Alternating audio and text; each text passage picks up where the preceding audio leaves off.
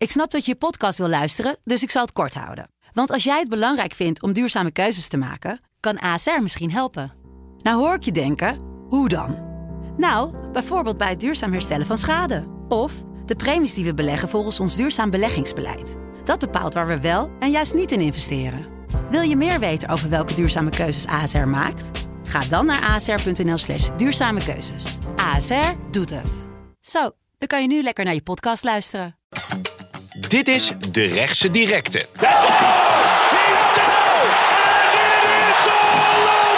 De vechtsportpodcast van De Telegraaf. Met Lars van Soest en Wilson Boldewijn. Welkom bij weer een nieuwe aflevering van De Rechtse Directe. En dit keer hebben we een gast uit de UFC. Stefan Struve. Stefan, hoe is het met je? Ja, goed. Goed, leuk om hier te zijn. Leuk dat je er bent. En natuurlijk is mijn eh, partner in crime, telesportverslaggever. Onder andere de vechtsportverslaggever, maar hij doet veel meer. Lars van Soest, weer van de partij. Lars, wat is jouw, eh, wat, wat is jouw nieuws? Vroegen ze vroegen bij Barend en van Dorp. Nou ja, je zegt het goed. Ik doe ook andere dingen. Ja. Eh, wat dat betreft zou ik kunnen zeggen, eh, het grote nieuws is dat Chucky Groene nu de duurste Nederlandse voetbalster alle tijden is. Maar laten we het over vechtsport hebben. En dan kunnen we eigenlijk niet om afgelopen weekend heen, denk ik. hè. UFC Chimaev, Ja. Freak of Nature werd hij genoemd. En het was ook wel bijzonder, hè, volgens mij. Want, eh, Hoeveel kilo zwaar was hij nou? ja, maar ik bedoel, ja, dat is natuurlijk... 3,5, Ja, toch? Ja. ja, zo- dat was natuurlijk het smetje. Hij was niet Uiteindelijk, ja, gewicht. ze, ze stopte hem op 3,5 kilo omdat eh, zijn lichaam aan het verkrampen was. En hij eh, viel flauw toen hij ging staan. Dus eh Ja. ja, dat hele weetkutten moet sowieso op de schop voor mij. Dus dat eh, is gewoon niet veilig om dat te doen. En dan de volgende dag een topprestatie te leveren. in Een van de gevaarlijkste sporten ter wereld. Dus Ja, dat, eh, maar het was wel opvallend dat hij ondanks die zware weightcut, dat hij, ja, dat hij weer zo dominant was. Hij heeft geen klap geïncasseerd en het was binnen no time voorbij. Hij gooide hem op de grond, hè, Kevin Holland. Of Kevin Holland? zeg? Kevin Holland, ja. Ja. ja. Kevin Holland. Ik was even in de war met Kevin Hart, maar dat is die kleine acteur natuurlijk. Ja, eh, die zou hij ook niet heel veel van heel laten denken. nee. Maar die, die Chimaev is echt ongelooflijk. Volgens mij zes partijen in de UFC, vier keer gewonnen.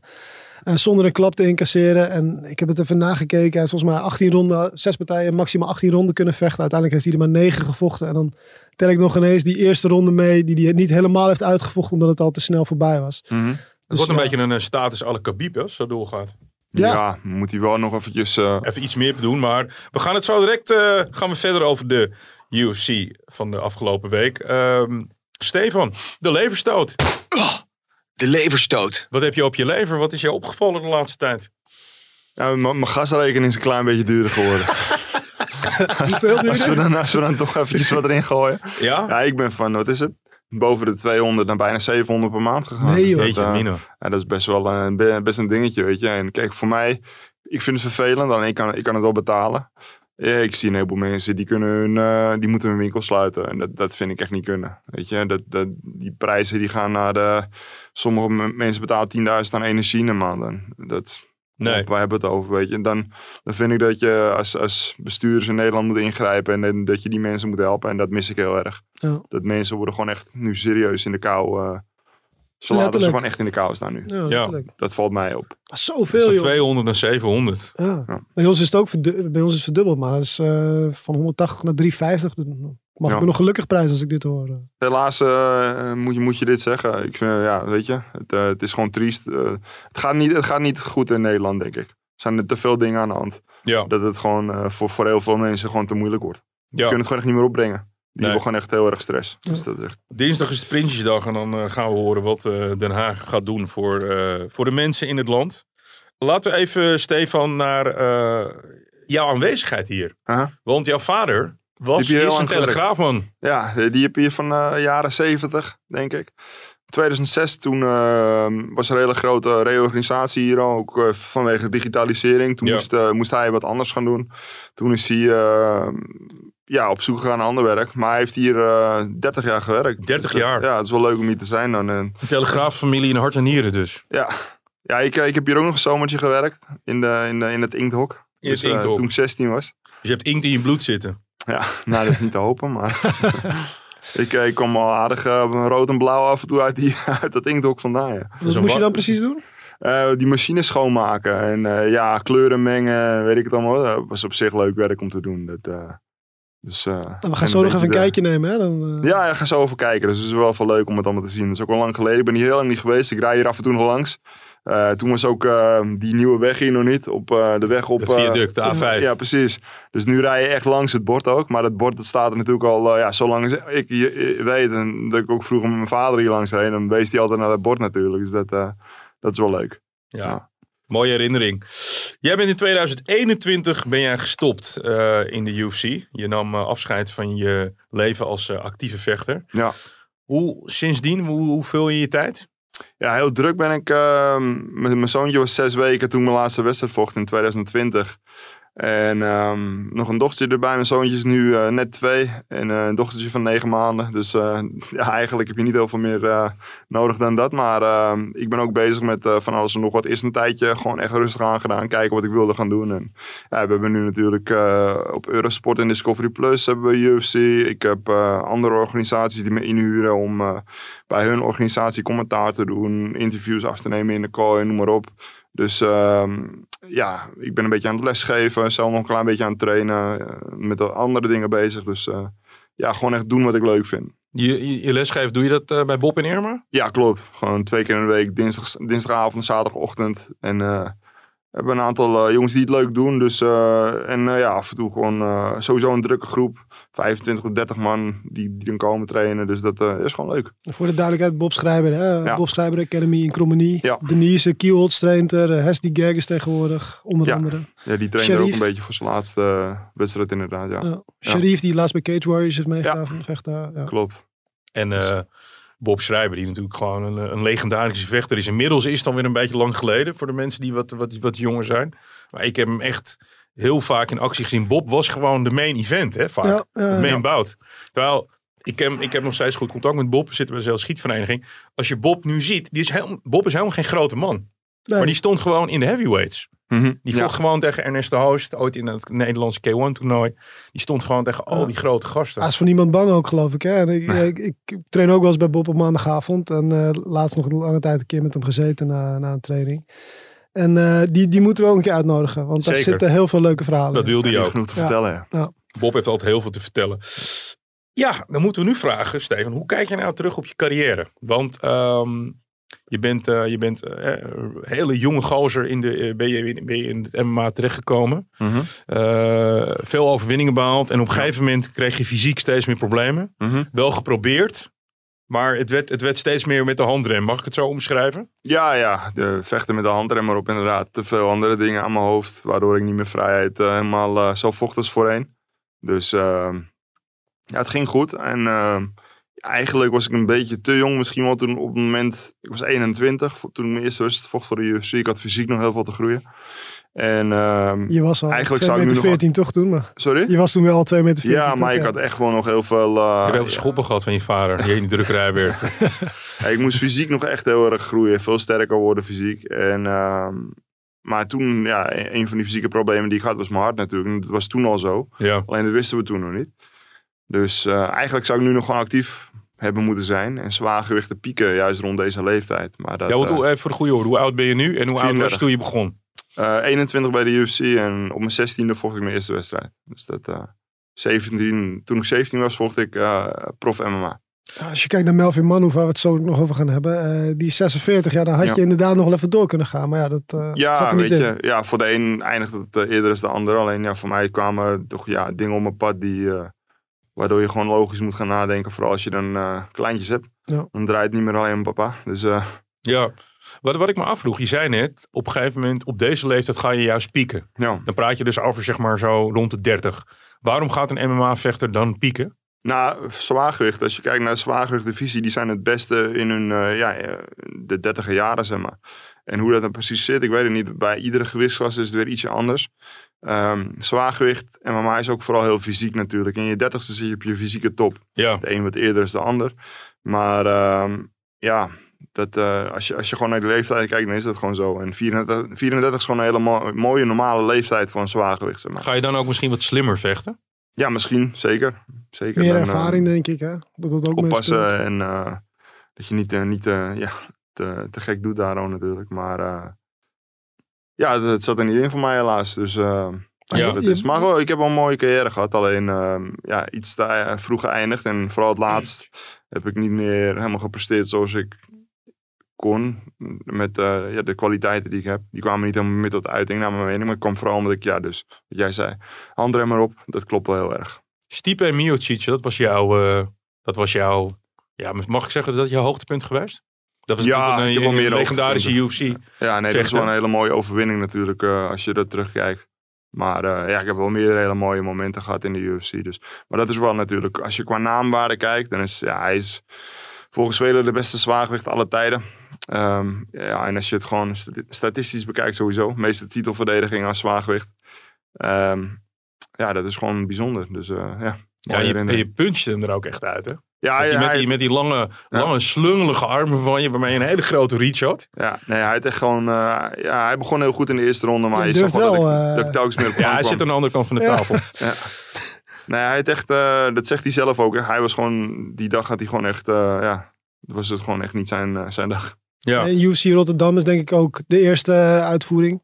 2016 hadden we het net al even over Ja. vooruitzien. Dat is ook denk ik een hoogtepunt. Hè? Die avond Ja, klopt. echt, er zat alles op en aan voor jou en de andere Nederlanders denk ik. Ja, het was perfect. Het was echt eh, heel, eh, heel, eh, heel bijzonder natuurlijk. De eerste UFC in Nederland eindelijk. Dat was echt daarvoor, eh, dat heeft ook heel erg geholpen met eh, waar we nu zijn. Met een podcast bij de Telegraaf, bij Telesport, Vechtsport podcast.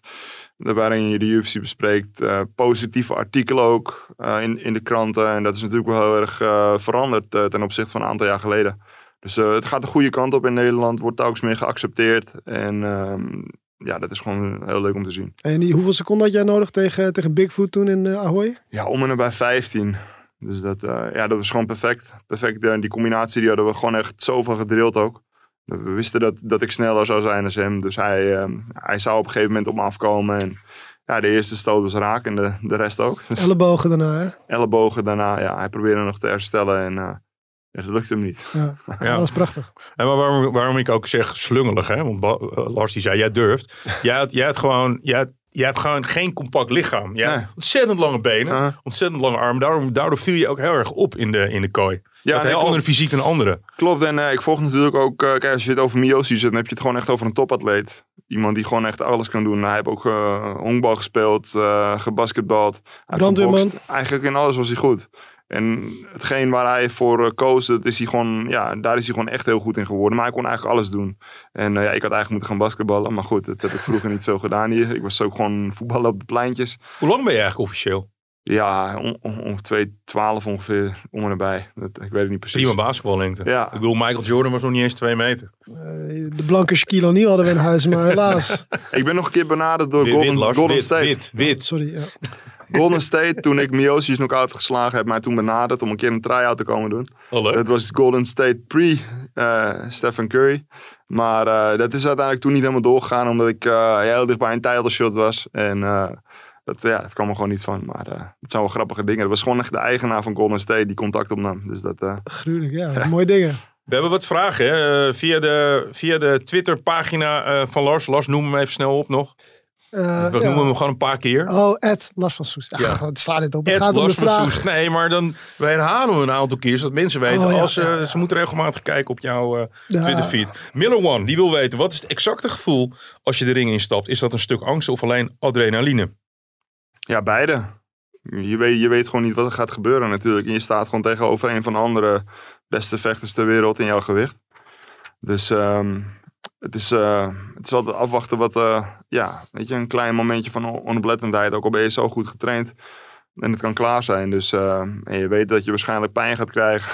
In hoeverre moest jouw trainer jou... Hè? Want ik weet dat, dat heel veel vechters zijn uiteindelijk op het moment, moment suprem, zijn ze bang om de ring in te stappen. Zo, sta- wat als ik verlies? En die trainer, hè, we hadden het met Tom Haring trouwens over, Ja. die moet jou net even dat setje geven. Hoe belangrijk was jouw trainer voor jou? Ja, gewoon je, je scherpe bijhouden natuurlijk. Alleen je moet het zelf uiteindelijk doen. Die trainer kan zeggen wat je, tegen je wat, wat, wat hij maar wil. Maar als jij er niet bij bent met je hoofd. Ja, gewoon scherp zijn, gefocust zijn. En je, je hoofd draait overuren. Er gaat zoveel dingen door je hoofd heen. Alleen ja, dat proberen rustig te krijgen. Dat, dat was voor mij altijd heel belangrijk. Gewoon. En jij bent ook volgens mij voor, voor een partij nog een keer eh, vlak last minute afgehaakt. Maar dat had niet met mentale issues te maken, maar dat was ook je hart geloof ik. Hè, die Ja, eh, hartmedicatie. En ja. ook, eh, ja, toen, toen was er een hele hoop gebeurd. Toen, eh, dat was de eerste partij terug naar mijn hart. Toen eh, mijn vader was ook overleden. Toen, het jaar daarvoor, eh, waren nog wat andere dingen aan de hand. En dan had ik die medicatie erbij. En dat- daar werd ik ook een beetje down van, zeg maar.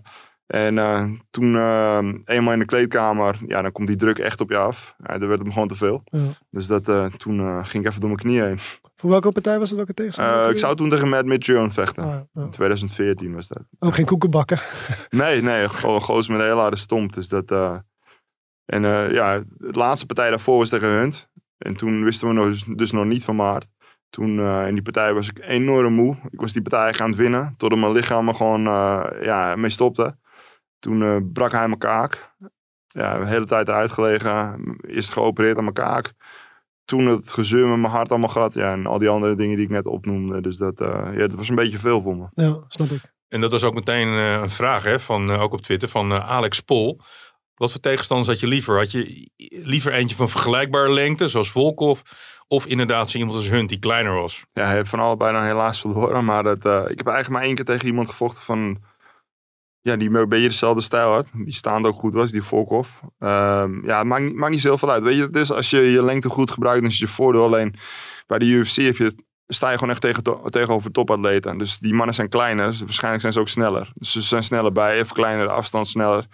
Dus dat, ehm, ja, dat was gewoon altijd eh, lastig. Dat was een van de dingen die altijd mensen zeiden, ja, je moet meer zijn afstand houden. En, ja, maar als je tegen echt een topvechter staat die binnen no time bij je is, is niet heel makkelijk. Nee. Weet je? En in het kickboksen of het boksen kan je dan gaan clinchen. Kan je op hem gaan hangen, zoals Klitschko deed, zoals Schild deed. Maar bij MMA ga je naar de grond. Ja. Dat is een ander verhaal. Dus je moet heel anders staan. En dat, eh, ja, dat is Maar als je, eh, als je naar beneden moet slaan, kun je dan wel je kracht goed genoeg inzetten? Of lijkt me lastig. Door de lengte bedoel je? Ja, ja. Je moet, je moet toch omlaag of zo in plaats van dat je rechtstreeks naar voren je kracht kan verplaatsen. Ja, en met je jab maakt het sowieso niet uit, denk ik. Dat, eh, en op het laatst ging ik veel meer op trapafstand vechten. Dat ze mij sowieso minder konden raken. Dat, eh, maar goed, dat, eh, het, is, eh, het is altijd puzzelen. Je vecht gewoon tegen de beste vechters die er zijn. Dus dat, eh, het is zo'n compleet spelletje, ja. En er is nog een vraag. Was die ook van Alex Pol, begrijp ik? Ja, Eh, ja. Wat is de basis voor MMA? Worstelen, jiu-jitsu of kickboksen? de Nou, beste basis. Wat is de beste basis voor MMA? Beste basis, ja, dat vind ik heel moeilijk om te zeggen. Maar als Je je, mag niet zeggen een beetje van alles. als je kijkt naar de meest dominante vechters op dit moment, het zijn bijna allemaal worstelaars. Je hebt natuurlijk wel uitzonderingen daar gelaten. Een aantal jaren geleden waren alle kampioenen worstelaars.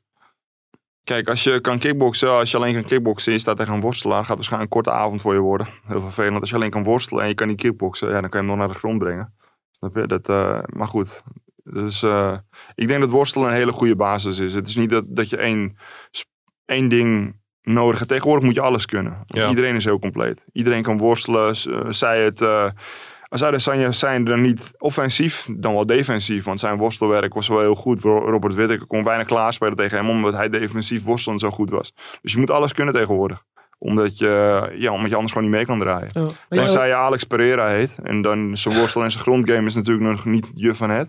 Maar hij heeft natuurlijk ook wel een fijne matchup met Adesanya. En dan, weet je, ja, die linkerhoek en die knieën van hem. Gewoon de power die hij heeft. Ja. Dan kan je ook gewoon heel ver komen. Maar jij, jij had ook goede verwerking, hè? Jiu-jitsu geloof ik dat je... eh, hoe is dat? Hoe ben je daar zo mee begonnen?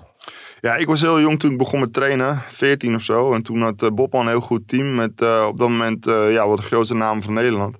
En eh, ja, ik ging gewoon met die mannen meetrainen. Die waren allemaal veel sterker dan mij, dus moest ik het technisch oplossen. En op een gegeven moment ga je dat dan inzien als je blijft terugkomen. Je krijgt iedere gewoon pak slaag. Dus er zijn weinig mensen die dan na een paar keer nog terugkomen. Alleen ik bleef terugkomen. En op een gegeven moment ga je een beetje je weg vinden. Dan, eh, dan word je handig vanaf je rug met je benen. En dan weet je een beetje je afstand eh, te pakken en te benutten. En dan, dan wordt het leuk. Dus Was je lengte dan een voordeel of een nadeel? op- ja, je moet er je voordeel van maken. Ja. Want ja, als je zegt van ja, is een nadeel, dan zit je al heel erg in het negatieve. Je moet er gewoon je voordeel van maken. En daardoor lag bijna iedereen op het laatste in een triangle bij mij. Dat, Ja. Kom je en niet zomaar jij, uit. kon, jij kon ook een behoorlijke triangle zetten met die benen van jou. ja. ja, en op het laatste werd ik dan eh, ja, ehm, completer. En dan zag je dat ik minder op, eh, op triangles ging winnen, ook via andere dingen. Maar dat, eh, ja, dat is wel grappig. Op die manier is het bij mij gewoon heel goed geworden. Tijd voor een rondje sparren. Niet letterlijk, hè, Stefan? Eh, pas op. Nee, dat gaat hij niet doen. Misschien met jou, maar niet met mij. Oh. Het rondje sparren, de vaste luisteraars die weten wat het is. We gaan even door het nieuws. En eh, jullie begonnen net al hè, over, de, over, over eh Chimaev, de UFC. Maar laten we even beginnen bij, eh, even terug naar de UFC in Parijs. Eh debuut van, eh van Jarno Ernst. Eh, jij was erbij, toch? Ja, klopt. Ja, ik deed. Eh, ik stond in de arena. Ik deed, ehm, op die dag deed ik het analyseren vanuit de arena. Dus het was heel leuk. Ja. Een hele mooie avond. Het begon al bij het voorprogramma. Het was echt uh, gekhuis. De derde partij liep uh, Benoit Saint-Denis naar de, naar de octagon. En die hele tent werd afgebroken. Dat was echt bizar. Ik ben echt bij heel wat UFC's geweest. 50, 60 plus. Evenementen live meegemaakt. Maar die, die Fransen hadden er echt zin in. Die gingen echt helemaal uit hun dak. Dus... Ja. Volkslied werd gezongen tijdens de laatste partij ook. Uh, ja. Dat die vechters elkaar aan zitten te kijken van... Oké, okay, uh, wat gebeurt hier? Dus dat uh, was echt een goede sfeer wat ik van ja. TV heb gezien. Ja. Wel een mooie prestatie hè, van, van Jarno Ernst. Hoe, ja. want hij heeft die partij best wel kort daarvoor geaccepteerd. Mhm. Mm -hmm. En toch, ja, het is ook nog... wat was een thuisvechter natuurlijk. Ja, en hij was op vakantie volgens mij. Hij zat lekker aan de drankjes, zei hij. En, ja, drie, vier weken daarvoor was hij, had hij gevochten. En daarna is hij even lekker naar Griekenland gegaan zich vervolg gegeten en gedronken. En uh, ja, niet heel positief natuurlijk voor je, voor je partij als je ook nog een weetkut moet doen. Maar uh, ja, hij, deed het, uh, hij deed het op zich goed. Alleen ja, hij kan er staan nog sowieso veel meer uithalen. Um, iedere keer viel hij tegen zijn tegenstander aan. Eigenlijk was dat het enige wat zijn tegenstander wilde doen. Hem vastpakken, naar de grond brengen en dan bovenom blijven liggen. Want hij was ook niet echt heel erg dreigend of zo. Het meest dreigende was Jarno nog aan het einde van de derde ronde. Maar um, ja, dat zijn dingen die, die beter moeten. Maar dat is ook een vermoeidheidsdingetje als je dan uh, staand uh, aan het vechten bent en je valt tegen elkaar aan, dan, heb je even, uh, dan kan je in je hoofd even wat, wat rust nemen. Omdat er niet heel veel kan gebeuren Nee. in de clinch. Maar als je tegen iemand staat die takedowns wil maken, dan ga je juist moeier worden, want hij gaat je weer naar de grond brengen. Dus dat, dat was de fout van Jarno een beetje daar al. Want staand had hij echt niks van die jongen te duchten. Nee. Sloeg hem nog heel erg eh, mooi aan in de tweede ronde. Ehm, hij deed het goed. Er zit, er zit zeker potentie in. Hij moet wel aan wat dingen werken, want als hij op zijn rug komt, komt hij hier te moeilijk af.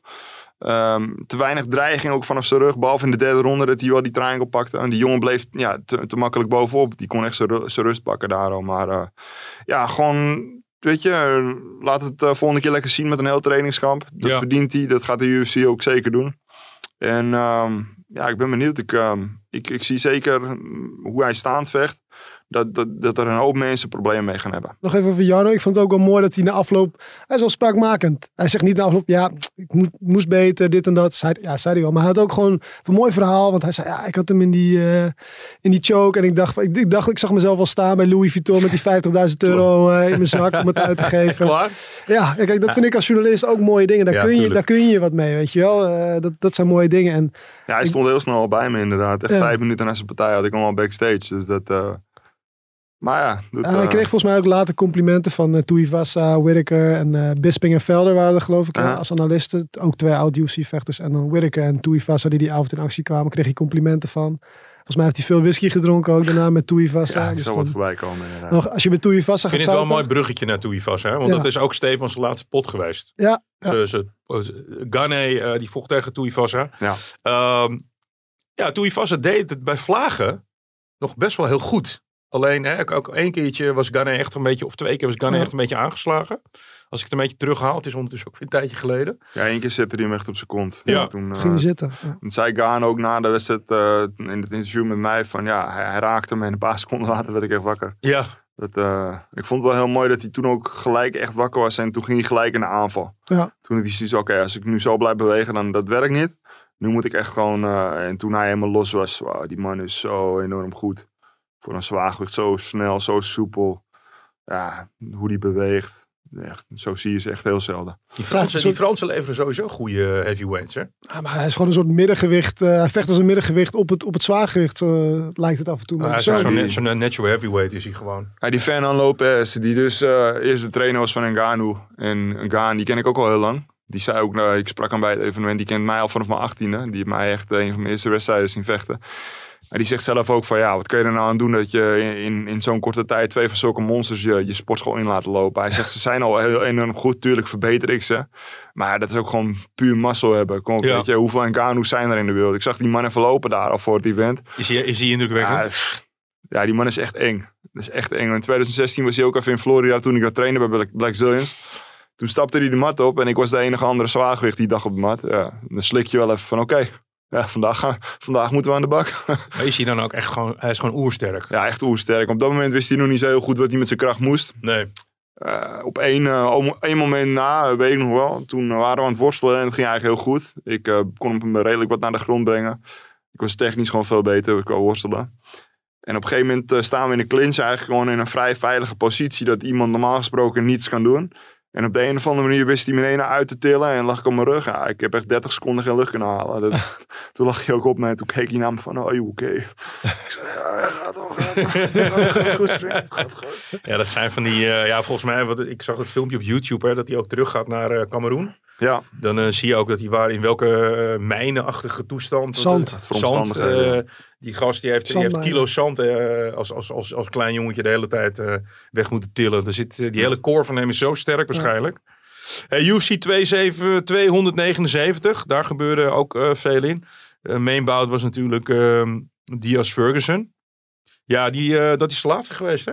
Van Diaz. Ja. Ja. Ja, Ferguson wilde nog wel UFC. door, want hij zei ik ben er weer helemaal terug. Ik zag het Ja. niet helemaal eerlijk gezegd. Het Nee. gaat wel heel snel op zijn retour. hij is een killer instinct kwijt. Ja. Dat, eh, en op een gegeven moment wordt dat ook gewoon heel moeilijk. Kan ook bijna niet meer op een gegeven moment, na zoveel jaren toch? Maar ook met de manier waarop hij vocht. Want zijn partijen waren bijna altijd oorlog. Ja. Spektakel. Het eh, maakt, maakt je niet uit of, of, eh, of hij zijn tegenstanders helemaal sloopte. Maar het waren gewoon echt wel harde partijen. Gewoon. Ja. Dus na een tijdje wordt het gewoon moeilijk. Het wordt Veel gewoon heel bloed. moeilijk om dat op te brengen. Ja. zijn ellebogen bracht hij Ja. dat veel schade Ja, toe. goed, hij heeft natuurlijk niet eh, tegen de minste gevochten. Als je het rijtje even bekijkt, hij heeft nu vijf keer achter elkaar verloren. Maar van wie? Van benieuwd. Darius, Charles Oliveira, Justin Gaethje, die natuurlijk het begin was, die hem echt helemaal eh, in elkaar eh, dat was het begin van het stond. einde Ja. eigenlijk. Hè? En dan nog even Michael Chandler. En Nate Diaz is dan de minste eigenlijk van dat rijtje. Ja. Ja. En dat Nee, blijft ik je... vond hem tegen Michael Chandler vond ik hem heel goed. Die uitzending was ik er ook bij bij Eurosport. En toen eh, ja, hij eh, was eigenlijk gewoon aan het winnen totdat hij eh, op die frontkick liep. Ja. Ja. Maar het blijft jammer dat hij in zijn prime nooit tegen Khabib heeft gevochten. Want dat was natuurlijk Ja. de partij om te maken. Maar altijd, volgens mij drie of vier keer was er iets dat hij niet doorging. Vijf keer. Ja. Vijf, Vijf keer van, ja, van wat ik me herinner. eh, van alles en nog wat. Ja. Te gek om op te noemen. De Maar- dingen maar die Diaz, ja. was wel mooi dat hij won ook. Hè. Precies ook 209 met op de klok nog. Hij komt uit eh Compton, is 209 geloof ik. Hè. En, eh, Stockton. Stockton. Stockton. Sorry, ja. Dus dat was wel Ja. toevallig. En eh, ja, het is wel jammer dat hij nu weggaat bij de UFC. Want het is wel een smaakmaker. Vocht wel weinig voor mijn gevoel. Ja, hij is een van de grootste sterren. Alleen hij gaat geen kampioen meer worden. Nee. Er zijn veel betere vechters zo op lichtgewicht, lichtgewicht als op welterweight. Maar het was wel iemand die echt altijd kijkers trok. Ja. Je wilde die partij altijd wel zien. Dus dat, Ja, eh, en hij, hij zei, ik ga nu weg. Maar hij komt terug. Hij wil in de tussentijd wil hij in een andere sport laten zien hoe goed hij is. boksen. Ja, dus dat zal... Knuckle FC zit al met hem te flirten, zag ik. Die, gaan, ja, die hebben ook wel eh, geld in principe. Maar ik Ja. denk dat hij gewoon tegen Jake Paul gaat boksen. Ja, daar, daar praten ze ook zit heel over. veel geld in. Dus Ja, dat, eh, ja. ja. goed, Maar ander- gelijk heeft hij. Maar aan de andere kant, eh, er hangt ook nog steeds Conor McGregor boven de markt. En die, die zegt ook wel van, dat die trilogy fight, die derde partij tussen Mhm. ons, die moeten komen. Ja, nee, goed. Op de een of andere Wat is misschien, de- misschien wat gaan hun boksen. Dat kan ook nog. Gelijk. 1-1. 1-1 hè? Ja. Maar kijk, dat, daar zit natuurlijk ook heel veel geld. Ja. Want, want ze- als we het echt aanpakken zoals een bokspartij, gewoon met matchmakers die zeggen van oké, eh, wij nemen jullie, eh, Ja, wij nee, jullie kunnen. tegenover elkaar. Dan eh, kunnen Ja, ze goed, en gelijk hebben ze ook. Hè. Dat, kijk, ze zitten allebei aan het einde van hun carrière. Ik denk niet dat Conor het nog nodig heeft met eh, alles wat hij daarnaast doet. Hij geeft wel Misschien veel heeft, uit. hij, misschien, heeft ook hij heel ju- veel misschien heeft hij juist wel weer even een partij nodig. Want je- heb je gezien hoe groot hij geworden is? Ja, Ja, maar hij gaat nooit meer op het niveau komen van daarvoor. Dat, eh, die, die focus gaat hij nooit meer hervinden. Nee. denk ik ook. Die, niet. die, de wil om echt de allerbeste te zijn, die is al lang weg. Joh. Dat, eh, dat hoeft niet meer. Nee. Hij is ook een beetje, ja, ik vind het lullig om te zeggen, maar een beetje twisted. Alsof je, daar zie zie je hem weer een, een jointje roken op zijn Ja, boot. maar En, het- eh, hij is gewoon, weet je, dat is natuurlijk al wie die ervoor was. ja, een beetje gek. Ja, hij is te veel verwend met van alles en nog wat. Ja. En eh, ja, dat, eh, dat leven, dat, eh, dat maakt je niet harder, zeg maar. Hey, Chimaev, eh, jullie gingen in het begin eh, gingen jullie helemaal uitweiden erover. Ehm, niet op gewicht, de weight cuts, daar wilde hij nog het nodig over zeggen. Maar Chimaev heeft wel alles in zich om een nieuwe UFC superster te worden. Ook omdat hij een beetje, eh, een beetje Ja. gekkig is. Showmannetje. Showmannetje. Smash Brothers, hè, samen met Darren Ja, Till. Ik, ik schrijf ook voor Sport een wekelijkse column. En het was gênant hoe die eh, gewoon op de weegschaal ging staan en zijn middelvingers opstak naar het publiek. Ook van, oké, ja, weet je. Gewoon zo van, ja, het boeit me echt niks. Maar tegelijkertijd, het boeide hem ook echt niks. Dus er kwam heel veel druk op zijn schouders. Ja, en hij rekdolde die Holland gewoon de record. Alsof, het, ja, weet je, alsof er niks aan de hand was. bal, Zo van, gewoon ja, kijk, constructor, hè, gewoon. ja, ja, die man is echt godsgruwelijk sterk. En eh, technisch gewoon echt zo enorm goed. Ehm, zijn, ehm, zijn level changes. En de, de, de snelheid waarmee hij de afstand verkleint om naar die benen te gaan. En hoe makkelijk hij beweegt. Als hij zeg maar door zijn knieën gebogen is, dus laag is. Hij is zo comfortabel daar. En hij is zo snel en sterk. Ja, dat is echt briljant om te zien. Ja, want je moet natuurlijk, dat is het hè, closing the distance. Dat is natuurlijk het, het, Ja. het, het punt van een, eh, van een MMA-vechter. Wanneer besluit je om dichtbij te komen. Ja. En hij voert het feilloos uit. Ja, ze hebben gewoon echt geen kans. eh, tenzij Gilbert Burns heet. Dat was natuurlijk wel van een ander verhaal. Ja. Ja. We hebben wel gezien dat hij gewoon menselijk is natuurlijk. Dat, eh, Dat biedt hoop voor zijn potentiële of zijn toekomstige tegenstanders natuurlijk. ja, ja Gilbert, Gilbert had gewoon zo. Ik ken Gilbert. Gilbert zei van tevoren al, nee, hij gaat echt wat meemaken deze keer. Want ik, ga niet, ik ben niet bang voor hem. Nee, en dat, dat En, merkte eh, hij. Hij was ook niet bang voor. Hij, hij kan met me gaan worstelen, maar mij gaat hij niet laten tikken.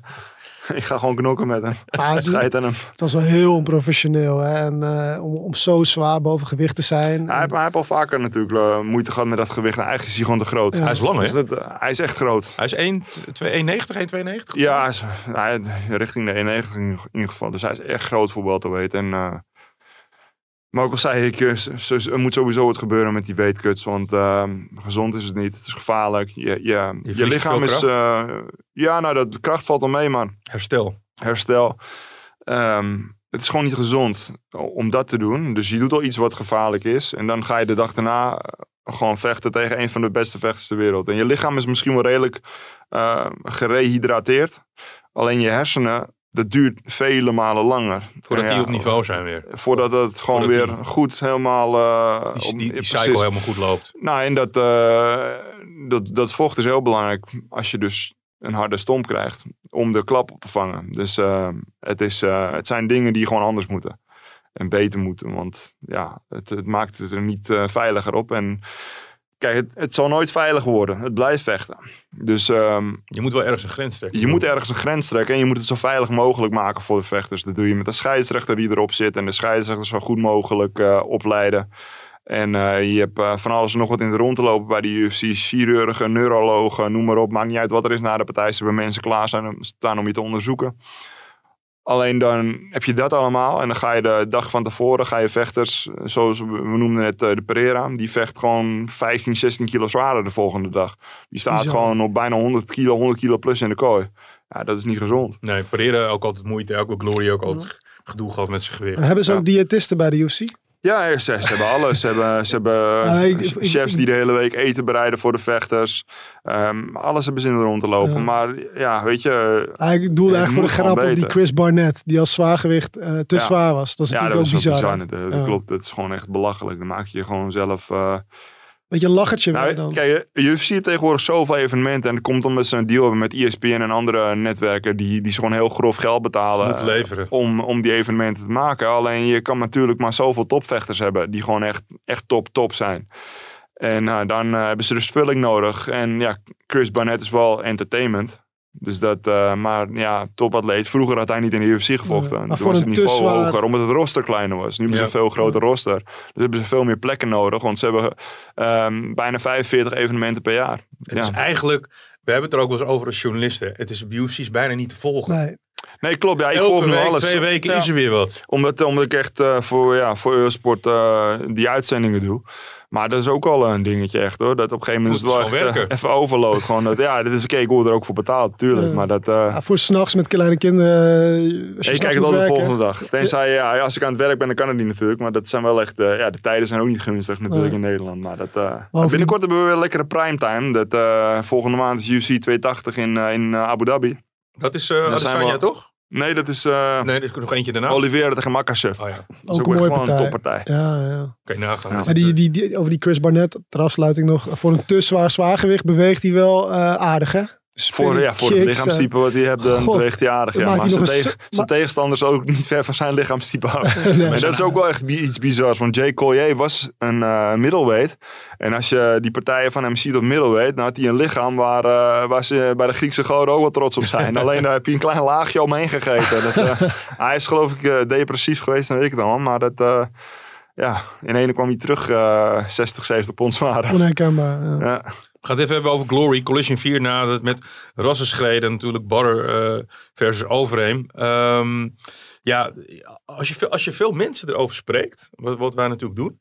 Er is altijd de angst dat die partij niet doorgaat. Omdat die ook al een keer niet Ja. is doorgegaan. Wat jij zegt over dat die partij niet doorgaat. Er waren ook al een beetje geruchten eh, die wij opvingen dat er iets aan de hand was. Met, eerst met Badr, hè, daarna met Overeem. Maar Ja. we hebben gecheckt, er was niks van waar. Maar Mm. het is wel iets wat je zegt. Alistair is natuurlijk op leeftijd, om het zo maar te zeggen, voor een vechter. Hij is Nou, twee... wij zijn ze niet de jongste. Ja, Dus ja, maar is nog 42. Alistair is blessuregevoelig. Vorig jaar geblesseerd uit die partij met Rico. Uh, Badder vaak geblesseerd geweest, eh, geraakt in zijn vorige partijen ook 37. Dus er is wel een kans dat je zegt van als je er met een gezond verstand naar kijkt dat het die niet doorgaat. Uh, wat ik begreep van het kamp van Jamal is dat, dat hij in ieder geval keihard doortraint om uh, eventueel in te stappen. Oké. En dat zou op zich, ja, ik vind dat dat wordt- evenement wordt er niet minder door. Het, het- voor het verhaal is Overeem tegen Badden natuurlijk mooi, derde keer. Maar als je kijkt naar hoe, hoe Jamal Ben Sadiq tegenwoordig vecht, zou hij als vervanger tegen of Badder of tegen Overeem ook gewoon een prachtig affiche uh, Maar ze zullen wel moeten, want eh, je zit natuurlijk in, een, eh, in, in Arnhem. En als een, eh, als een mainbout eh, geen goede tegenstander heeft, dan zit je met je kaart verkopen. Ja, en het is het evenement van het jaar voor Glory. Hè? Tot dusver Ja. hebben we eigenlijk eh, nog weinig eh, evenementen gezien, dus ze moeten wel. En eh, ja, met Jamal als achtervanger heb je in ieder geval... eh, Is het uitverkocht? Weet je wel? Nee, volgens mij niet. Volgens mij nog niet. Nee. Hoeveel man kan erin? Vol- volgens mij doen ze dit keer on- ongeveer 20.000, ietsje 20. minder. Maar volgens mij is het nog niet uitverkocht. Oké. We hebben met beide trainers gesproken. Hè?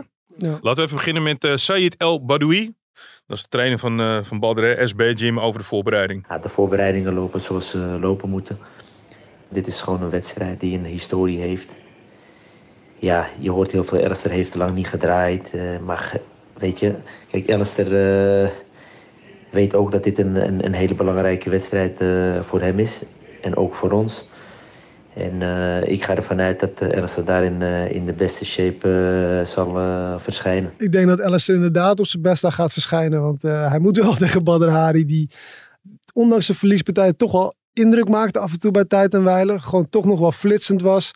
Maar elke keer weer ergens tegenaan liep. En ja, ik, die partij tegen Rico, die laatste partij, eh, laat hij wel zien wat hij nog kan. En ik heb het idee dat hij dat tegen Alistair ook wel kan laten zien. Ja, wat ik mij dan afvraag, Stefan, is dat je op een gegeven moment, het gaan die verliespartijen. Jij hebt ook vanaf 2017, toen jouw problemen begonnen, begon jij ook meer partijen te verliezen. Mhm. Ehm, en je gaat elke keer weer, in jouw geval naar die octagon. Maar neem je dat dan mee? Of is elke partij weer iets op zich? Want Badder neemt natuurlijk elke keer weer met zich mee. Wat als ik nu weer verlies? Hoe, hoe denk jij dat het gaat in zijn koppie? Ja, daar, moet je zelf ook mee aan de bak van tevoren. Dan moet je eh, diep, diep in je hoofd gaan graven en dat gaan, eh, gaan uitleggen en gaan, eh, gaan kijken hoe dat precies zit. En daar kan je misschien met een, met een, een coach mee aan de slag ook. Alleen, eh, ja, dat neem je wel mee natuurlijk. Dat het gewoon niet meer zo loopt zoals vroeger. De partijen die hij vroeger vanzelfsprekend eigenlijk aan het winnen was, die, die win je niet vanzelfsprekend meer. Op de een of andere reden. Dan moet je kijken wat die reden is. Dan moet je daarmee aan de bak. Hij heeft natuurlijk een aantal partijen gehad uh, waarmee die, die, waar hij eigenlijk een beetje opgaf. Zo leek het. Ja, op een gegeven moment gaan dingen ook gewoon veel meer pijn doen. Vroeger vocht je gewoon op die adrenaline en dan vocht je gewoon echt. Maakt niet uit, je was gewoon hard. Die, die klappen deden geen pijn. Klappen gaan ook telkens meer pijn doen. Dat Ja. ik ook. Ik voelde telkens, telkens meer alles. Dus dat, uh, ja. ja. Ze worden gewoon, uh, je wordt gewoon wat ouder, weet je. En dat, dat gaat gewoon tellen hier in deze sport. Dus ik ben ook heel benieuwd hoe Alistair voor de dag gaat komen. Want die is natuurlijk ook een stukje ouder als Bart. Zullen we, Hij even, niet, uh, zullen we niet daar even naar luisteren, naar, Ja. naar Nick Hemmers? Het gaat lekker, man. We zijn goed bezig. Alistair is topfit. De laatste stukken doen we in Thailand. Het uh, halve team is al in Thailand nu. Samen met mijn vader. Die uh, vervangt mij even een weekje omdat ik hier moest blijven om de zaak open te doen natuurlijk. Dus dat is top. De training verloopt goed. Uh, we zijn klaar. We zijn goed op schema. Dus uh, we zijn klaar om 8 oktober uh, een mooie pot weg te zetten. En natuurlijk met de armen omhoog naar huis toe te gaan. Nou, de voorbereiding ligt in ieder geval niet. Thailand is gewoon het, toch een beetje afzondering, hè? Dat je gewoon hem kan focussen. Volgens mij doet Alistair dat wel vaker, hè? Die vindt dat fijn. Ja. Ja, ik ben nog een aantal jaar geleden bij hem geweest in Denver. Ja, dat, dat, dat vindt hij inderdaad fijn. Dan heb je geen uh, afleiding om hem heen. En dan kan je gewoon echt volle bak focussen. En dat moet je ook eigenlijk gewoon, dat zou iedereen moeten kunnen doen. Dan krijg je gewoon de beste vechten, de, de beste prestaties uit de vechters. Dus dat, uh, ja, wel, wel, leuk om te horen dat uh, de vader van Nick ook nog even Cor. Cor is. Ja, dat hij gewoon nog even voor Alistair even, voor, voor good old times even erbij ja, is. Ja, uh, Thailand natuurlijk ook een mooie plek om dan eventjes uh, in te vallen. Hè? Niet, niet verkeerd, niet verkeerd. hey, uh, we hadden het net over uh, Badr op zoek naar winst. Uh, daar zei je al het nodige over. Laten we even luisteren naar wat Said uh, El Badoui erover zegt. Ik denk uh, dat het allerbelangrijkste is, uh, is dat je nog steeds uh, plezier hebt in hetgene wat je doet. En uiteindelijk uh, doe je het omdat je het nog steeds uh, leuk vindt en niet uh, uh, wat mensen ervan vinden. Geduld is een, uh, een schone zaak, uh, om het maar uh, zo te zeggen. Geduld is een schone zaak. Ja, het geduld is wel op de proef gesteld natuurlijk van de Badder fans. Hij heeft één keer gewonnen tegen Hesdy. Die partij werd hem toen afgenomen vanwege uh, dopingtest. Maar eh, ja, het wordt wel tijd ook om te winnen voor, voor Badden. Want anders is hij ook wel... ehm, ja, kan, kan hij dan nog stadions vullen voor, voor Glory? Ja, Als hij niet wint, eh, ja. Het gekke is dat op een of andere manier heeft hij ook een soort teflonlaagje. Het glijdt ook weer van hem af. Hij blijft heel populair. Ja, ja. Ja, dat is zo. Zijn imago is natuurlijk spannend. Spannend. De bad boy. Iedereen wil, wil zien wat hij doet. En er is altijd volgens mij ook nog wel het geloof van dat er weer een knalpartij komt die die gewoon wint. Ook om die, die, die, die flarden die hij heeft laten zien in die vorige partijen. Dus ja, wat, wat, als je moet voorspellen, eh, Stefan, wat denk je? Ja, ik vind het heel moeilijk. Ook om Alistair lang niet gevochten heeft. In zijn laatste partijen kon hij ook minder hebben. Ja. Dat, eh, op een gegeven moment zag je wel dat, er echt, eh, ja, dat het minder werd. Had hij nou in die laatste partij die gescheurde lip? Nee, dat ervoor. Nee, was ervoor, hè? De laatste partij was tegen volgens mij. Oh ja. Maar je zag Alistair wat meer zo'n momenten kiezen. Ook, eh, en dan ook gewoon zeggen, oké, ik ga nu een minuut gewoon maar, ik overdrijf misschien, maar al 30 seconden, eventjes eh, armen voor mijn gezicht, even de storm overleven en dan ga ik Mhm. wel weer verder kijken. En dat, dat kwam hem niet, kwam niet eh, heel ijzersterk over, vond ik, als vanaf de buitenkant. Nee, ja, het is, het is gewoon heel moeilijk om dat te doen. Sowieso in het MMA deed hij het al vaker. Zijn Ja. trainers waren er ook niet altijd blij mee. Alleen, eh, ja, dan heb je een stuk kleinere handschoenen. Nu heb je weer bokshandschoenen. Eh, dat scheelt. En eh, volgens mij is hij ook weer wat zwaarder. Als eh, toen hij in de UFC vocht. Dus dat eh, gaat ook mee helpen. Ik denk dat hij weer een beetje de, de tijden van 2010 wil doen herleven. Dat hij eh, zo fysiek groot was. Dus Hij was, dat, hij was heel groot. Hè? Ja. Ja. Laten we even luisteren naar wat Nick zegt over die, die switch tussen MMA en kickbox. Ja, waar je dat omschakelt van MMA naar kickboksen, ja, dat was natuurlijk, is natuurlijk een heel ander spelletje. Maar ja, zoals ik net al zei, we zijn al even bezig eh, met kickbox trainen. Een jaar nu. Dus dat gaat goed. Het zijn wat andere bewegingen, maar eh Alistair heeft lang genoeg gekickboxd op het hoogste niveau. Dus die omschakeling ging vrij soepel. We verwachten dat alles goed blijft gaan. En eh, nogmaals 8 oktober een knalpartij weg te zetten, die wij uiteraard gaan winnen natuurlijk. Hij gaat hem winnen. Uiteraard. Ja, hij heeft gewoon een ontzettend eh, groot kickboxverleden. Toen K1 ook gewonnen. Eh, toen was hij wel heel groot trouwens. Deed ook veel met zijn knieën in die tijd. ja, fysiek heel sterk was hij toen. Ja. Ja. Ja, dat is wel, dat is wel, eh, dat is wel anders eh, nu. Ah, die, die, die eerdere partijen zijn natuurlijk heerlijk voor Glory als promotiemateriaal. Dat ze allebei een keer van elkaar gewonnen hebben. Hup, eh, Ja. Die knallen ze in de promofilmpjes. En dan, eh, ja, dan komen de mensen wel kijken, gok ik. Melvin Manhoef. Die gaat eh, weer eens eh, een laatste partij vechten. Want hij heeft toen toch ook tegen Remy Bojaski uh, In Ja, Almere. dat was- maar dat was een kickbox afscheid. de Ja. kickbox afscheid. Dit was MMA afscheid. afscheid. Hij houdt van afscheid nemen. Hij houdt van afscheid nemen. Tegen eh, Romero, die Cubaan. Ja, maar dit wordt trouwens ook... Ik sprak Said net nog eventjes... eh, nou, je hebt het gehoord. Eh, hij, zei van, eh, dit wordt wel echt zijn laatste partij. Ehm, eh, 46 jaar, het wordt tijd om wel realistisch naar dingen te kijken. En wat jij ook zei, je wordt ouder, klappen komen harder aan. Melvin heeft ook een jong kindje, geloof ik. Eh, hij heeft zijn sportschool volgens mij. Hij doet zijn evenementen. Dus Ja. hij heeft genoeg andere dingen, denk ik, om op terug te vallen. Ja. Precies, en Dus hij blijft eh, dan wel nog in de sport actief natuurlijk. Dat is, Ja. Ik denk dat hij is gewoon een vechtsportdier. Ik denk dat hij er nooit eh, Ja. uit zal stappen. Maar je verdient er ook wat mee, hè? Dan moet je, Ja. ook, dan moet je ook niet helemaal... eh, Ja, dat is waar. Maar ik gok ook wel dat hij goed verdiend heeft ondertussen. Als je al 46 jaar bent en je hebt, eh, nou, wat is het, ruim eh, 26 jaar eh, waarschijnlijk eh, in de vechtsportwereld ja, eh, maar ja, als je een beetje de, de moffelkrantie, zoals je dat in het Surinaams hoort. Kijk, eh, Hoe? De, de, de woordenkrant, moffelkrantie. Als je die hoort, dat is, eh, dat heb je natuurlijk ook met Gilbert gezien, Gilbert Eiffel. Jongens hebben heel veel verdiend, maar gingen ook vaak meteen op hele grote voet leven. ja, ja. Ja. Dus het is, er zijn niet altijd zakelijk altijd de beste Nee. beslissingen genomen. Volgens mij, ik weet als Melvin dit hoort, volgens mij is de kracht is zijn vrouw op dit moment. Die heeft hem echt heel erg rustig gemaakt. Dat heb ik laatst ook ergens gehoord. Ja, Ah. dat is echt, die, die jongens moeten vaak ook gewoon even een goede partner treffen. Dat scheelt vaak, dat scheelt vaak heel. Dat is belangrijk. Toch een goed thuisfront, of niet Stefan? Ja, tuurlijk. Dat, Ja. eh, als je vrouw ook om de maand op vakantie wil, dan eh, Ja. gaat het hard. Ja. Als ze van een mooie auto houdt en een, eh, en een Prada-tas. Ja, Dan, ja. maar die partij tegen Romero, ja, Soldier of God is bijna geloof ik hè? Ja.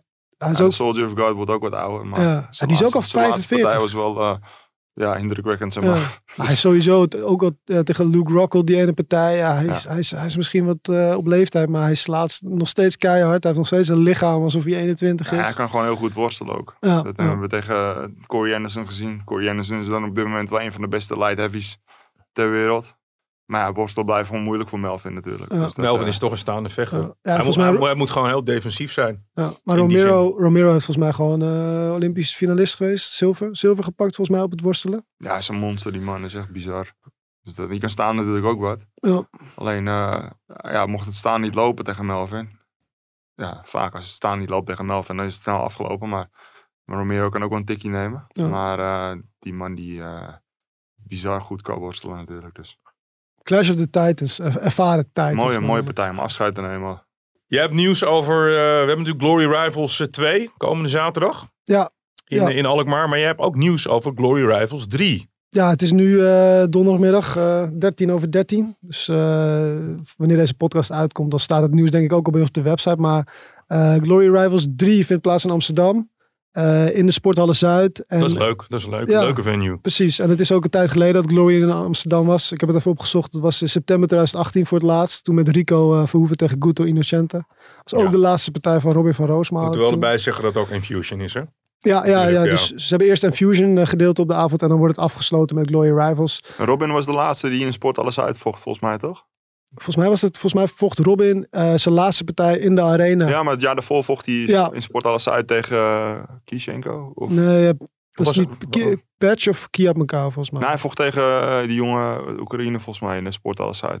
Ik was oh, ik ben in de war met de rij. Ja, ja, klopt. Ja. We hebben ook de rij gehad natuurlijk. Ja, Oké. Volgens mij zitten we op het goede Oké. spoorlijn. Moeten we alleen de goede tegenstander van Robin Wikipedia. op het goede... Wikipedia. Ja. Maar eh, ja, de hoofdpartij die avond is Siric tegen Jay Overmeer. En Jay Overmeer, ik heb het gevoel dat Glory die een beetje wil, eh, rustig wil brengen. Maar dat ze in hem wel een eh, toekomstig eh, contender zien voor de, voor de weltergewichttitel. En die wordt rustig gebracht en heeft ook wel ja, de, stijl en de looks om een soort nieuwe posterboy te worden van Glory. Dus dat doen ze denk ik wel slim. Dat ze hem niet meteen voor de leeuwen gooien, maar wel met zo'n zo'n hoofdevent of hoofdact op een, op een kleine gala zoals Rivals daarmee publiciteit te geven. Je hebt ook nog iets over Andy Semulier. Dat is over komende zaterdag, toch? Ja, die vecht komend weekend. En eh, ja, we hebben hem even kort gesproken en eh, daar hebben we een geluidsfragmentje van. Ja, ik vecht eindelijk voor eh, Glory. Ik zou in mei mijn debuut maken tegen Gregorian. Dat ging helaas niet door. Nu stond ik eerst gematcht tegen Robin. Ging helaas ook niet door. Maar ik heb nu een tegenstander, Vasily. Dus ik ben wel blij dat ik kan vechten en dat ik eh, mijn debuut kan maken. Mijn voorbereiding is heel goed gegaan. Kleine aanpassing natuurlijk door een andere tegenstander, maar niet heel veel. Dus ik heb hem wel goed en eh, compleet kunnen voorbereiden. Ik voorspel voor zaterdag een hele gedomineerde partij vanaf seconde 1. En ik denk dat hij dat niet drie rondes blijft staan. Ik heb namelijk een eh, conditie voor vijf rondes. Dat hebben veel al gezien van mij. En dan mag ik nu lekker in drie rondjes gaan proppen. Dus eh tempo gaat hoog liggen. En ik denk dat hij niet gaat bijbenen. Dus dat hij eind tweede ronde denkt, ja, dit ga ik niet trekken. en zo wel, dan krijg je drie rondes. En eh masterpartij van mijn kant. Mooi bruggetje, toch? Vijf rondes naar... Naar Rico Ri- tegen Hesdy, Rico hè? tegen Hesdy in Ja. het, het Hirit evenement. Ik ben even de datum kwijt, Lars. Weet jij dat? Jos? 29 oktober. 29 oktober Ja. is het.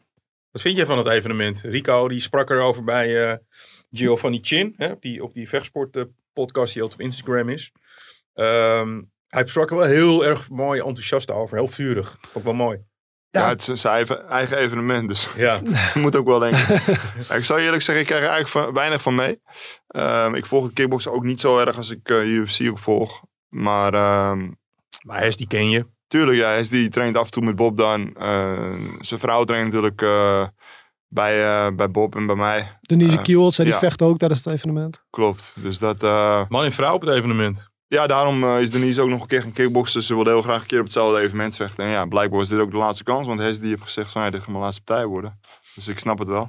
Ja. En, ehm, maar ehm, voor de rest, eh, ja, het is natuurlijk een beetje een, eh, een- show-evenement ook. Ander- Anders dan anders Ja. wij gewend zijn. Ja, je merkt dat veel mensen een beetje uit de vechtsportwereld hun neuzen voorop halen. Van ja, wat is dit nou? Eh, Ja. Dit is niet, echt vecht, niet het echte vechten. Maar ja, het past ook wel bij Rico. Hè? Want hij heeft die sport ook naar een ander level getild. Mhm. En nu gaat hij met een ander publiek. En nu zet hij die weg voort eigenlijk. met een ander publiek. En ja, we hebben het ook bij Conor McGregor gezien. Eh, die oversteeg ook de sport. En daardoor heeft hij ook weer een hele nieuw publiek, een heel nieuw publiek aangetrokken. En dat doet Rico nu eigenlijk ook. En met het evenement is daar misschien, ja, dat evenement is misschien wel de beste, het beste middel om dat nog een keer extra te doen. Ik denk dat de praktijk het moet uitwijzen of, die, of, die, of het vechtsportpubliek, wat, waar je het natuurlijk gedeeltelijk van moet hebben, ervoor, eh ervoor warm loopt. Eh, er is natuurlijk heel veel te doen over eh, dat hij wereldkampioen is en dat hij nu vijf rondes gaat vechten tegen Hesdy. Alweer. Eh, alweer natuurlijk. Ja. En Hesdy had natuurlijk vorige keer niet zo heel veel tegen hem in te brengen. Ja. Maar Hesdy is wel een Ja, maar is wel keihard. Wat, ja, kijk, ik hoor dat vaker en ik, ik moet zeggen, ik snap het als je kijkt naar de feiten van, oké, Rico tegen Hesti alweer en Rico drie keer gewonnen. Maar als je, wel, als je dan inzoet op hoe die partijen verliepen. Hesti heeft één keer volgens mij discutabel verloren. eh, dat het allebei de kanten op kon. Hij heeft één keer verloren omdat hij een gebroken hand had. En hij heeft de andere keer kansloos verloren, maar toen stapte hij tien dagen van tevoren in. Dus er valt wat voor te zeggen. En ja, goed, het is Rico's eigen evenement. Hij mag kiezen als tegenstander wie hij wil. Dat staat hem helemaal vrij natuurlijk. Dus die moet wel gewoon voor de kou gaan, denk ik. Ja, Op dat denk punten ik ga je ook. niet winnen, winnen van. Nee. Dus dat, eh, alleen vorige keer eh, zei hij dat natuurlijk ook. Alleen toen kon hij die switch niet maken. Ging hij in zijn achteruit. Ja, Hij moet vooruit. ja want maar als je- als dat je is gewoon een punt tegen Rico is fysiek zo sterk. Ja, maar ja, goed, weet je, de enigste mensen die een probleem hebben gegeven waren mensen die voor de kou gingen. Ja, en Ja. heeft, heeft die hem niet de power van eh, Jamal. Maar goed, als het dan je laatste partij is, dan heb ik zoiets van, ja, weet je, ja, als, je gaat, als je gaat tikken met hem, dan weet je dat, het heel moeilijk gaat worden. Ja. Dus doe gewoon een schepje bovenop en ga gewoon voor die kou, ja toch? Hij Dat, moet wel, je- wat, je, wat, wat jullie zeggen. dit kan gewoon, het, het blijft vechtsport, dus dat, eh, ga er gewoon voor. Het, eh, wat natuurlijk heel erg bleef hangen bij dat eh, gesprek met, eh, met Giovanni Chin, is natuurlijk die, eh, die woorden over, over Remy Bonjaski. Laten we het zo zeggen, eh, Rico moet heel weinig van Bonjaski hebben. En andersom ook volgens mij, want eh, het, is, het is niet heel vaak positief eh, wat Monjaski over Rico zegt. En eh, ja, oké, kan. Natuurlijk, hij is een analist, hij moet zijn mening hebben. Het is ook, vind ik ook mooi als iemand een scherpe mening heeft. Maar het is nu vaak, ehm, weet je, dat appels met peren vergelijken van vroeger dit en vroeger dat. En Ja. hij heeft een keer in een interview in het AD gezegd van als ik 30 was, dan had ik Rico op knockout verslagen. En ik kijk niet graag naar Rico, want het is te saai. En dan denk ik van ja, eh, Rico is vaak gewoon te goed voor zijn tegenstanders. Is het dan zijn schuld? Ik, ik vergelijk het altijd met Ja. Susanne Schultink. Als, Ja. die, als, die, als die op de Olympische Spelen bij iedereen wegrijdt en eh, zo naar de overwinning rijdt met een rondje voorsprong, is het dan haar schuld dat het niet leuk is of is zij gewoon te goed? Ja, weet je, het, is, het heeft ook niet zo heel veel zin. Eh, dat is net als met voetbal. Cruijff, eh Zidane vergelijken met elkaar. Hè? Ehm, het is een andere tijd. Iedereen is anders getraind. Er zijn andere tegenstanders. Het is een andere level. Misschien moet Remy daar een beetje voorzichtig mee zijn. Althans, Remy moet niks. Maar je kan niks alles met vroeger vergelijken. Het was ook veel meer in toernooivorm. Maar de grap is, de kritiek was ook heel vaak op Remy. Dat hij te defensief en te voorzichtig vocht vroeger. Gek genoeg. Ja. En nu eh kaatst hij dat nu weer naar Rico terug, zeg maar. Ja, de pool is wel veel dieper vroeger. Ja. Als je het gewoon simpel bekijkt. Ik denk Ja. dat als je, eh, als je dan 100 vechtsportliefhebbers vraagt, dan ja, de, de dagen was de pool gewoon veel dieper. En ehm, ja, we missen de toernooien een beetje. Het- we missen het beetje het magische wat er toen wel was. Ja. Ik keek altijd echt uit naar die, naar die eh, Final Eight. Ja, dat was was altijd geweldig. fantastisch. Het is een groot spektakel. Maar wat Rico ook wel vaak zegt is van ja luister, eh, één op één op één avond laat wel zien van oké, ik ben op mijn best, jij bent op je best. En dan vechten we zonder Maar schade van toernooi eerdere gewonnen. partijen. Ook, je, ja. Dus dat, ja, weet je, alleen hij wint natuurlijk wel over het algemeen van mensen die een stukje minder zijn. Er zijn natuurlijk een aantal mensen die wel gewoon echt goed zijn. Eh, En die er ook echt wel mee kunnen draaien. Het echt wel mee kunnen draaien toen de tijd hoor. Zeker, denk Maar ik hoe- ook. Ja, weet je, de, de sport is ook weer heel erg veranderd. Dus het blijft heel moeilijk om te zeggen, had hij toen ook zo goed geweest? Ja, zeg Ja, maar. Want, Maar wat, wat, wat sowieso voor Rico pleit, is dat hij natuurlijk op heavyweight niveau, dat hij gewoon tien jaar lang bijna ongeslagen is. Want ja, jij hebt op heavyweight gevochten. Mhm. Eh, iedereen kan een rake klap uitdelen, kan uit het niets komen. En hij weet dat wel elke keer weer te, te ontwijken of te, of te overleven. En ja, dan ben je gewoon wel met recht. Ik denk dat er niemand op de hele wereld op, in, in het heavyweight, in welke tak van de vechtsport ook, zo lang kampioen is geweest. Nee, hij is een natural heavyweight. Hij heeft het, de stijl van een, bijna van een middengewicht, waardoor hij makkelijk die vijf rondes kan. Ja, net als die Gaan waar we het eigenlijk over hadden net een beetje. Ja, want wie van die K1 jongens met dat gewicht kon nou gewoon vijf rondes knokken? Dat waren er niet zoveel. Die, die toernooien waren vaak ook relatief snel, eh, omdat je wist dat je de hele avond nog moest. Mhm. Het haalde niet altijd de derde ronde dat je nog die extra ronde voor eh, beslissing kreeg. Ja. Ze gingen meteen al het volle bak om te zorgen dat het zo snel mogelijk afgelopen was. Het, is, het laat zich allemaal zo moeilijk vergelijken. Maar Rico was in ieder geval gepassioneerd over zijn evenement, Hit It. En hij was gepassioneerd in zijn ergernis richting eh Remy Bonjaski. En daar komt vast wel weer een keer een reactie op in een volgende persconferentie. Die gaan geen biertje samen drinken binnenkort, denk ik. Ja. Stefan, je moet je even opladen voor die, voor die alles beslissende, prikkelende vraag. De knockout. De knockout.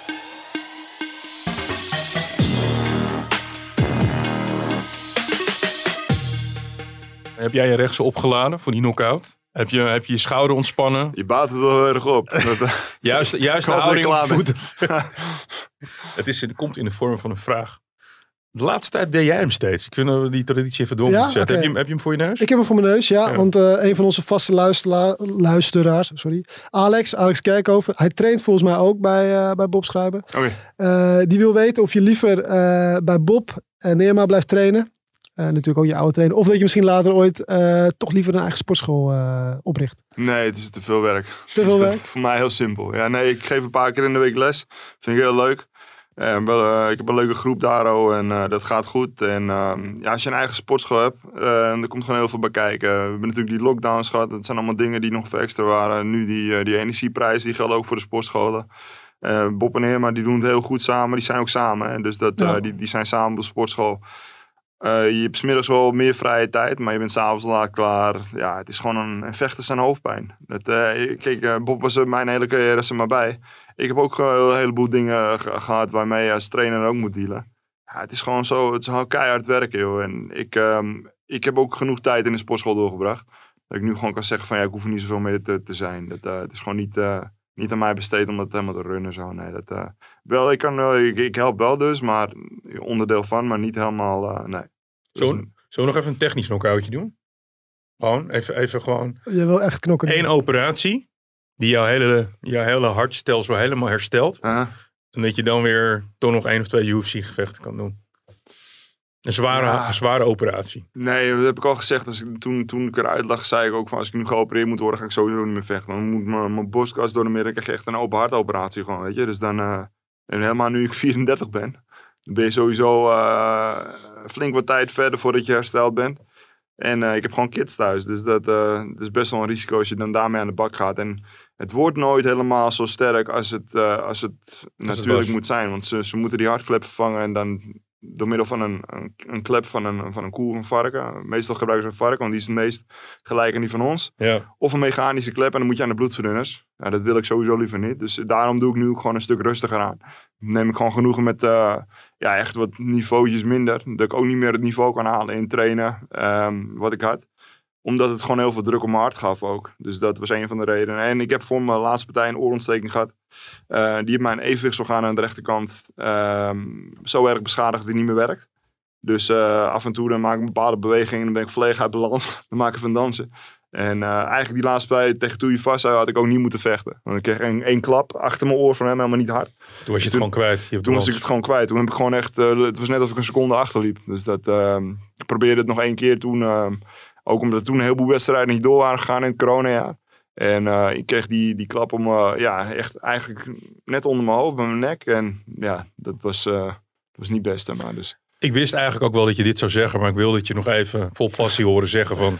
Je beslissing om te stoppen is gewoon oprecht, oprecht. Ehm, ja, je bent gewoon lekker bezig in de sport. Je als Ja. commentator. dat je bent leuk. eigenlijk gewoon een soort beetje mediaman aan het worden. Ja, het is leuk om, eh, dat er nu ook een netwerk is, Discovery Plus en Eurosport, die echt de tijd voor nemen. Ze hebben vijf jaar hebben ze, het, eh, hebben ze rechten en dat, eh, we zitten nu in het eerste jaar en we gaan het gewoon opbouwen tot iets moois. Mensen kunnen onze uitzending kijken in het Nederlands en dat doen de meeste mensen ook. Zien we via de, de cijfers. Ze kunnen de Amerikaanse uitzending kijken als ze ons niet leuk vinden. Kan ook gebeuren natuurlijk. Eh, er komt nog een heleboel andere footage aan van de UFC die, die mensen kunnen kijken. En, ook wat jullie nu doen, weet je, een, een, een podcast waar je het erover hebt. Het staat in de kranten. Het gaat gewoon heel erg de goede kant op. En daardoor gaat het gewoon heel erg groeien in Nederland. Dus ja, dat, want, eh, want voor de mensen die dat, die dat niet weten. Als je UFC wil zien, Eurosport. Wordt hiervoor betaald, Wilson? Of, eh? Nee, maar eh, ik, je, je weet het. Het is, altijd, het is altijd een beetje gedoe UFC kijken, toch? Ja, je kan nee, hoor, Discovery het is heel makkelijk, ja. Ik ja, Discovery Plus kan je nemen. En dat, eh, dat, dat kost echt, eh, echt weinig als je, als je het bekijkt per maand. Ehm, vind ik dan. Tientje of zo? Ja, niet eens. je eh, 8,99 rond de 6 euro ben je Ja, kwijt per maand volgens Jij, mij. jij ja. zei dat ik de commercieel was. Nu begin jij, Ik bedoel de eh, feiten. begin jij prijzen. Maar goed, ja, dat maakt niet uit. Kijk, het gaat erom. kijk, Er zijn nog wel dingetjes die beter moeten. Eh, ze zijn er heel hard mee aan de, aan, aan de gang. Ze willen echt de vechtsportzender van Nederland worden. Eh, ze hebben ook Cage Warriors, daarbij doe ik ook het commentaar. Eh, ze zijn bezig met andere organisaties die heel leuk zijn om te volgen. Dus je hebt gewoon echt een heel leuk vechtsportkanaal. En dat moet een beetje de tijd krijgen. En ja, een paar jaar geleden, eh, toen, toen, toen ja, wilden we allemaal dat het op tv kwam. En nu ze- zeuren mensen als het net iets niet goed is, als het geluid even niet goed is. Of ja, die, die Nederlanders, Nederlanders toch? Ja, nee, goed, weet je. Maar de mensen moeten realiseren dat het gewoon heel positief is dat eh, netwerken met de naam Discovery Plus en Eurosport de tijd voor nemen, heel veel geld erin stoppen, om de sport hier ook op te bouwen. Ja. En dat is gewoon echt, ja, heel positief. Over tijd ergens insteken. We zitten al We op zitten aan de tijd. bijna. Ja.